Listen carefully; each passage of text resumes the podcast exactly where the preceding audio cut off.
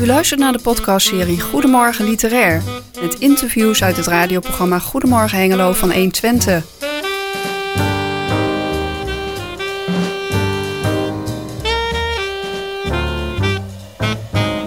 In deze vijftiende aflevering hoort u Chris en Jan Dirk in gesprek met Henk Kleinhout over de teloorgang van Jan Hilvers.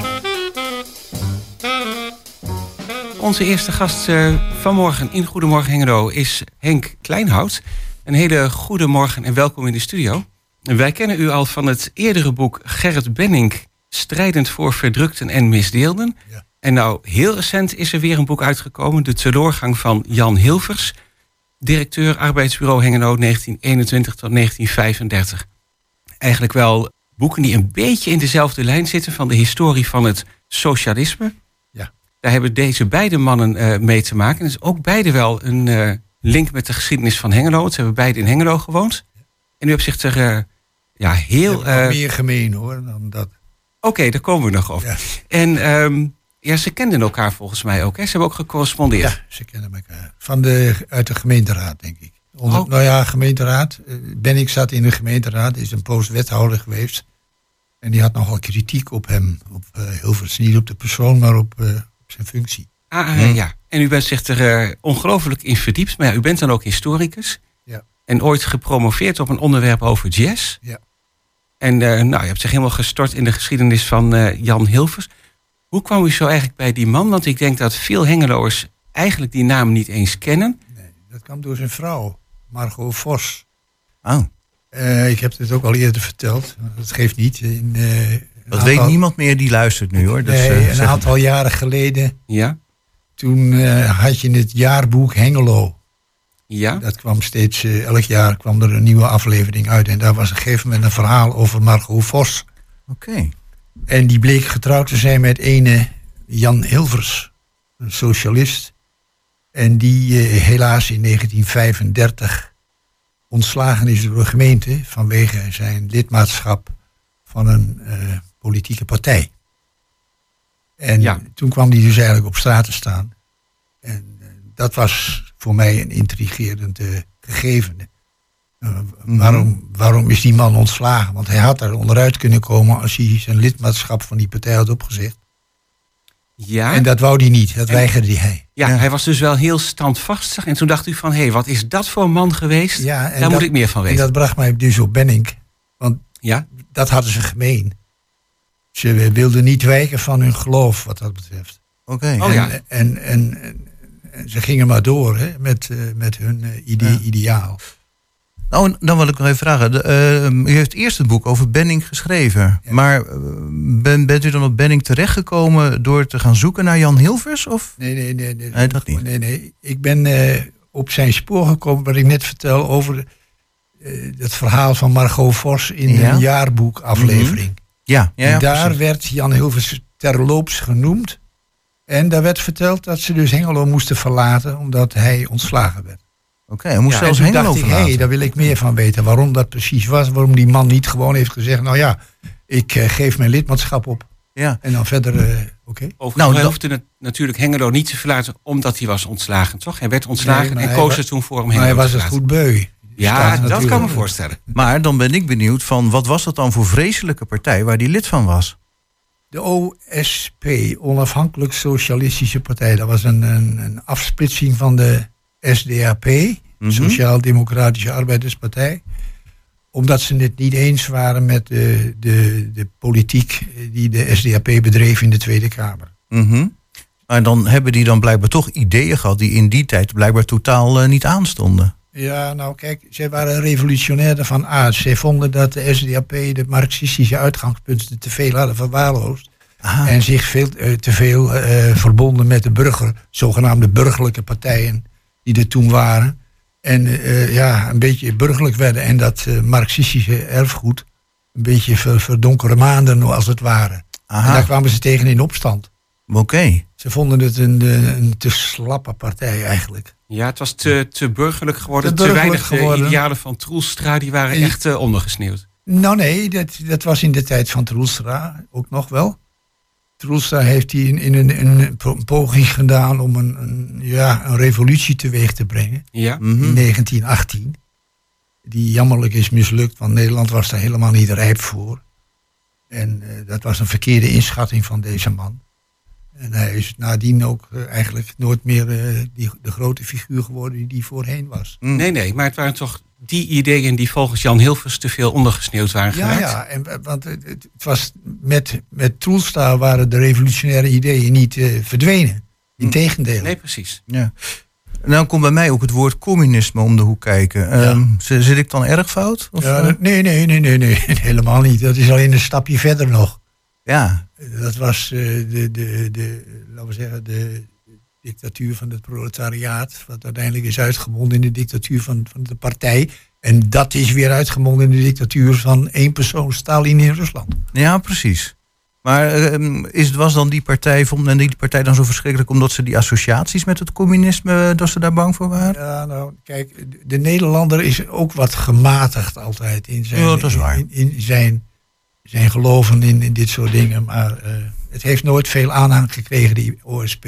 Nee. Dat is ook de reden geweest dat bij verkiezingen hadden ze geloof ik, ja, ze hadden niet eens een zetel in het parlement. Mm. Toen zijn ze samengegaan met RSP, die soortgelijke uitslagen had. Oh, Oké. En, en dat, dat mengsel, de RSAP, is uiteindelijk ook weer niet eh, Nee. aangeslagen bij de, bij, de, bij de meute. Nee, wat Mm. je dan wel afvraagt is hoe is Jan Hilvers ooit bij die beweging terechtgekomen? Ja, vanuit zijn denkbeelden. Hij, is, eh, hij komt uit een, eh, ja, een, een, een soort eh, m- ja, middenstandsgezin eigenlijk. Mhm. Ja, uit, uit de- Hoge Veen.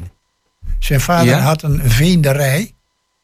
eh, waar hij allerlei mensen dus te werk had gesteld. Die hij eh, goed behandelde. Oké. Als, als uitzondering eigenlijk op de meeste veenderijbazen. Die waren wel anders. Maar goed, hij was dus kennelijk anders. En hij kwam in contact met het anarchisme.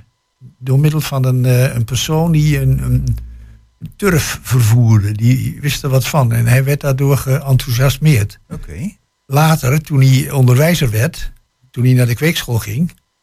Pedagogische Academie heet dat nu. Ja, nou, kweekschool had ik nog van gehoord hoor. Zo jong ben ik nou de- ook weer niet. De kweekschool, ja. Pabo, Pabo Ja. heet het nu Ja, zelfs. Pabo, ja. Ja. ja.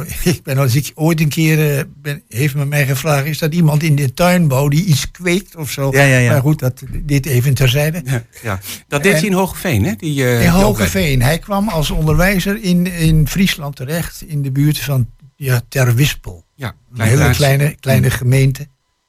En daar kwam hij in contact met het hoofd der school, vanzelfsprekend. En die was een SDAP-man. En toen is, heeft hij dat, eh, dat anarchisme, wat in Zuidoost-Friesland nogal populair was in die tijd. Ook omdat Domela Nieuwhuis daar vandaan kwam. Oh ja, een bekende naam. Mhm. Ja, en eh, dat anarchisme, dat, dat, was- dat, was- dat- hij was een aanhanger daarvan. Maar dat, dat ging steeds meer verloren. En hij werd door dat hoofd van de school, die SDAP was, steeds meer in die richting gedikt. En uiteindelijk is hij ook een SDAP'er geworden. In hart en nieren. En hier praten ze over welke tijd? Nog voor de Eerste Wereldoorlog? Ja, ja, dit was om 1900, eh, ietsjes later, 1905, 6, 7. In die Ja, ja, tijd, toen werd hij onderwijzer. Daar in, eh, in Friesland. Ja, precies. En eh, nou, daar was natuurlijk ook best grote armoede onder de plattelandsbevolking, hè? Drenthe en Friesland. Ja, maar ook in Hogeveen had hij dat gezien. Hè? Mhm. Dat was ook eh, vreselijk. Die kunnen wij ons niet meer voorstellen, die armoede. Mensen die in, in hutten leven, in gaten in de grond. En, en, ja, en maar bij elkaar eh, Ja. zochten wat ze, wat ze konden krijgen. Ja, bent u daar ook nog een beetje ingedoken? Dat u dacht, ik wil toch iets meer weten van die leefomstandigheden van de Nee, mensen toen? daar ben ik niet zozeer ingedoken. Eh, Ik, ik had het idee dat ik dat wel zo ongeveer wist. Nou, misschien in dat in een vroegere stadium al. Nog net Ja, niet zelf in een plaggenhut gewoond, hoe, dat, maar... hoe dat zich Nee. daar heeft toegedragen. Ik heb, ik heb nog een voorbeeld uit eh, 1952. Toen zat ik in de eerste klas van de kweekschool. Ja. hier in Hengelo. En toen gingen wij een tocht maken naar Koevoorde, naar een andere kweekschool, hadden wij een sportbijeenkomst. En onderwijl, ten noorden van Frieseveen, heb ik gezien dat mensen in een soort plaggenhut woonden, met een gat in de grond, met een overkapping van, van plaggen. Wauw. En, en, en rook uit zo'n gat kwam. In 52 heb Oh ik ja. dat nog gezien. Ja, dus inderdaad niet eens als museumstuk, maar gewoon Nee, in werking. in En- dat gezien. Ja, Dat verbaasde mij zeer. nou, ik, ik zei net van, dan heb je nog net niet in een plaggenhut gewoond, maar inderdaad, het scheelt niet veel. Nee, Nee, nou, kijk eens. over armoede gesproken. Mhm. Dus, dus die, die drang naar eh revolutionarisme, alles moet anders, die, die is wel verklaarbaar. Ja, Bij zeker. hem. Ja, zeker. En nou he- heb ik een beetje in het boek kunnen lezen, hier en daar iets. Ehm, hij kreeg wel met iedereen iedere keer een conflict, hè, Ja. deze Jan Hilvers. Ja. Of hij nou onderwijzer was, of hij was bij de Ja, vakbond. Ja, ja dat, is, dat is waar. Ja. Hij had een, eh, wat dat betreft een moeilijke persoonlijkheid. Was het. Hij had, eh, hij had, wat, had ook een slechte gezondheid. Oh Hij had Ja. last van, van nervositeit. En toen hij in Hengelo dus directeur was, toen is hij regelmatig afwezig geweest vanwege ziekte. Dat werd hem toen ook nog nagedragen. Van, ja, we, we moesten soms iemand aanstellen die zijn werk eh, overnam, omdat hij zo lang wegbleef. Ja, ja, dat werd hem kwalijk genomen. Ja, nou, min of meer. Ja, Nou, door de eh, burgemeester onder andere, Jansen. Oké, Ja. Nou ja, goed, dan ook nog een leuk excuus om hem dan inderdaad toch te ontslaan, hè? Want het had niet gehoeven, bij. hè? Het lidmaatschap van die eh, politieke Nee. partij was niet een must om je dan te ontslaan. nee, er stond in, de, in het nieuwe ar- ambtenarenreglement dat mensen van eh, ja, een heel rits partijen, en, die konden ontslagen worden. Niet, die moesten ontslagen worden. Want men was bang dat eh, het ambt, de, de, de functie van ambtenaar in conflict kwam met, met de partij. Met, eh, met Ja. de ideeën van de partij, of omgekeerd.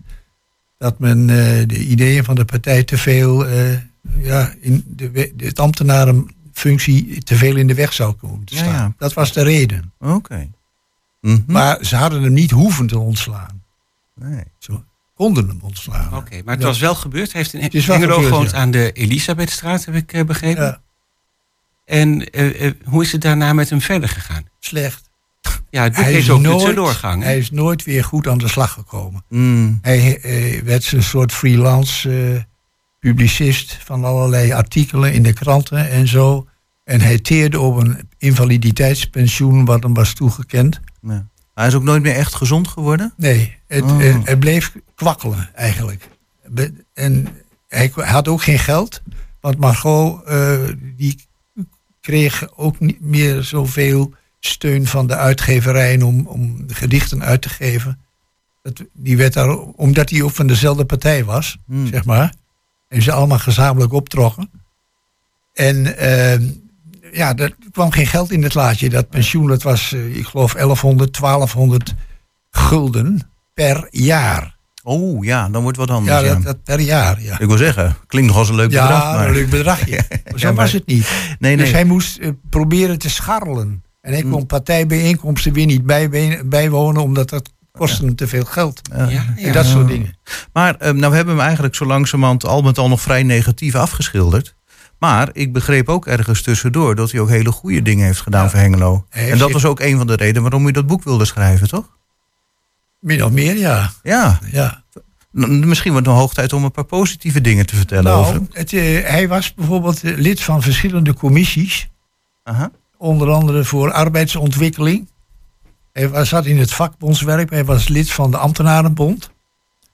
Hij eh, maakte zich druk voor werklozen. Ja, beroepshalve sowieso, maar ook in zijn eh, Vrije, vrije, tijd? Hij zorgde dat mensen de steenkooks kregen bijvoorbeeld als het moeilijk was. Hij probeerde daar een budget voor vrij te krijgen bij de gemeente.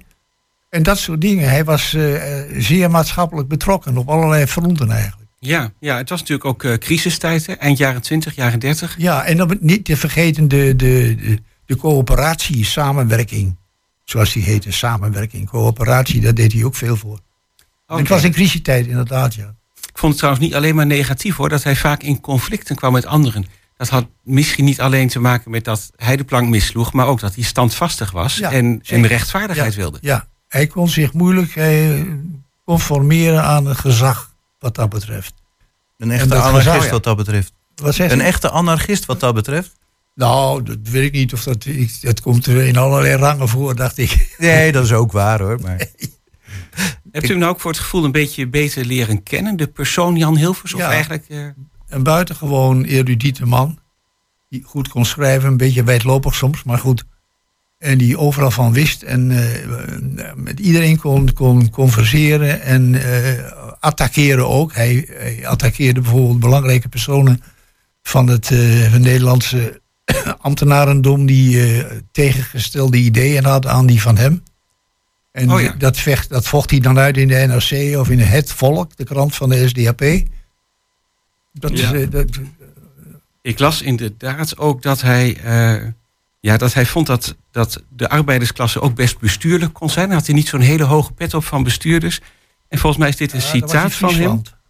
Ja, en dan zegt hij eh, dat je ook niet hoeft op te zien tegen mensen die de kunst verstaan om gewichtig hun buikje vooruit te steken, de knevel eens op te strijken en zich een eer te geven, maar die, wanneer je het deksel van hun hersenpan zou kunnen aflichten, weinig meer te zien zouden geven dan wat ijle damp die in een ommezien vervliegt. Exact, ja. Handig dat is idee. wel Ja. Jan Hilvers ten voeten uit, volgens mij, Ja, hij zo'n kreeg, een, citaat. hij kreeg een, een conflict met de, de redacteur van eh, het Friese Volksblad.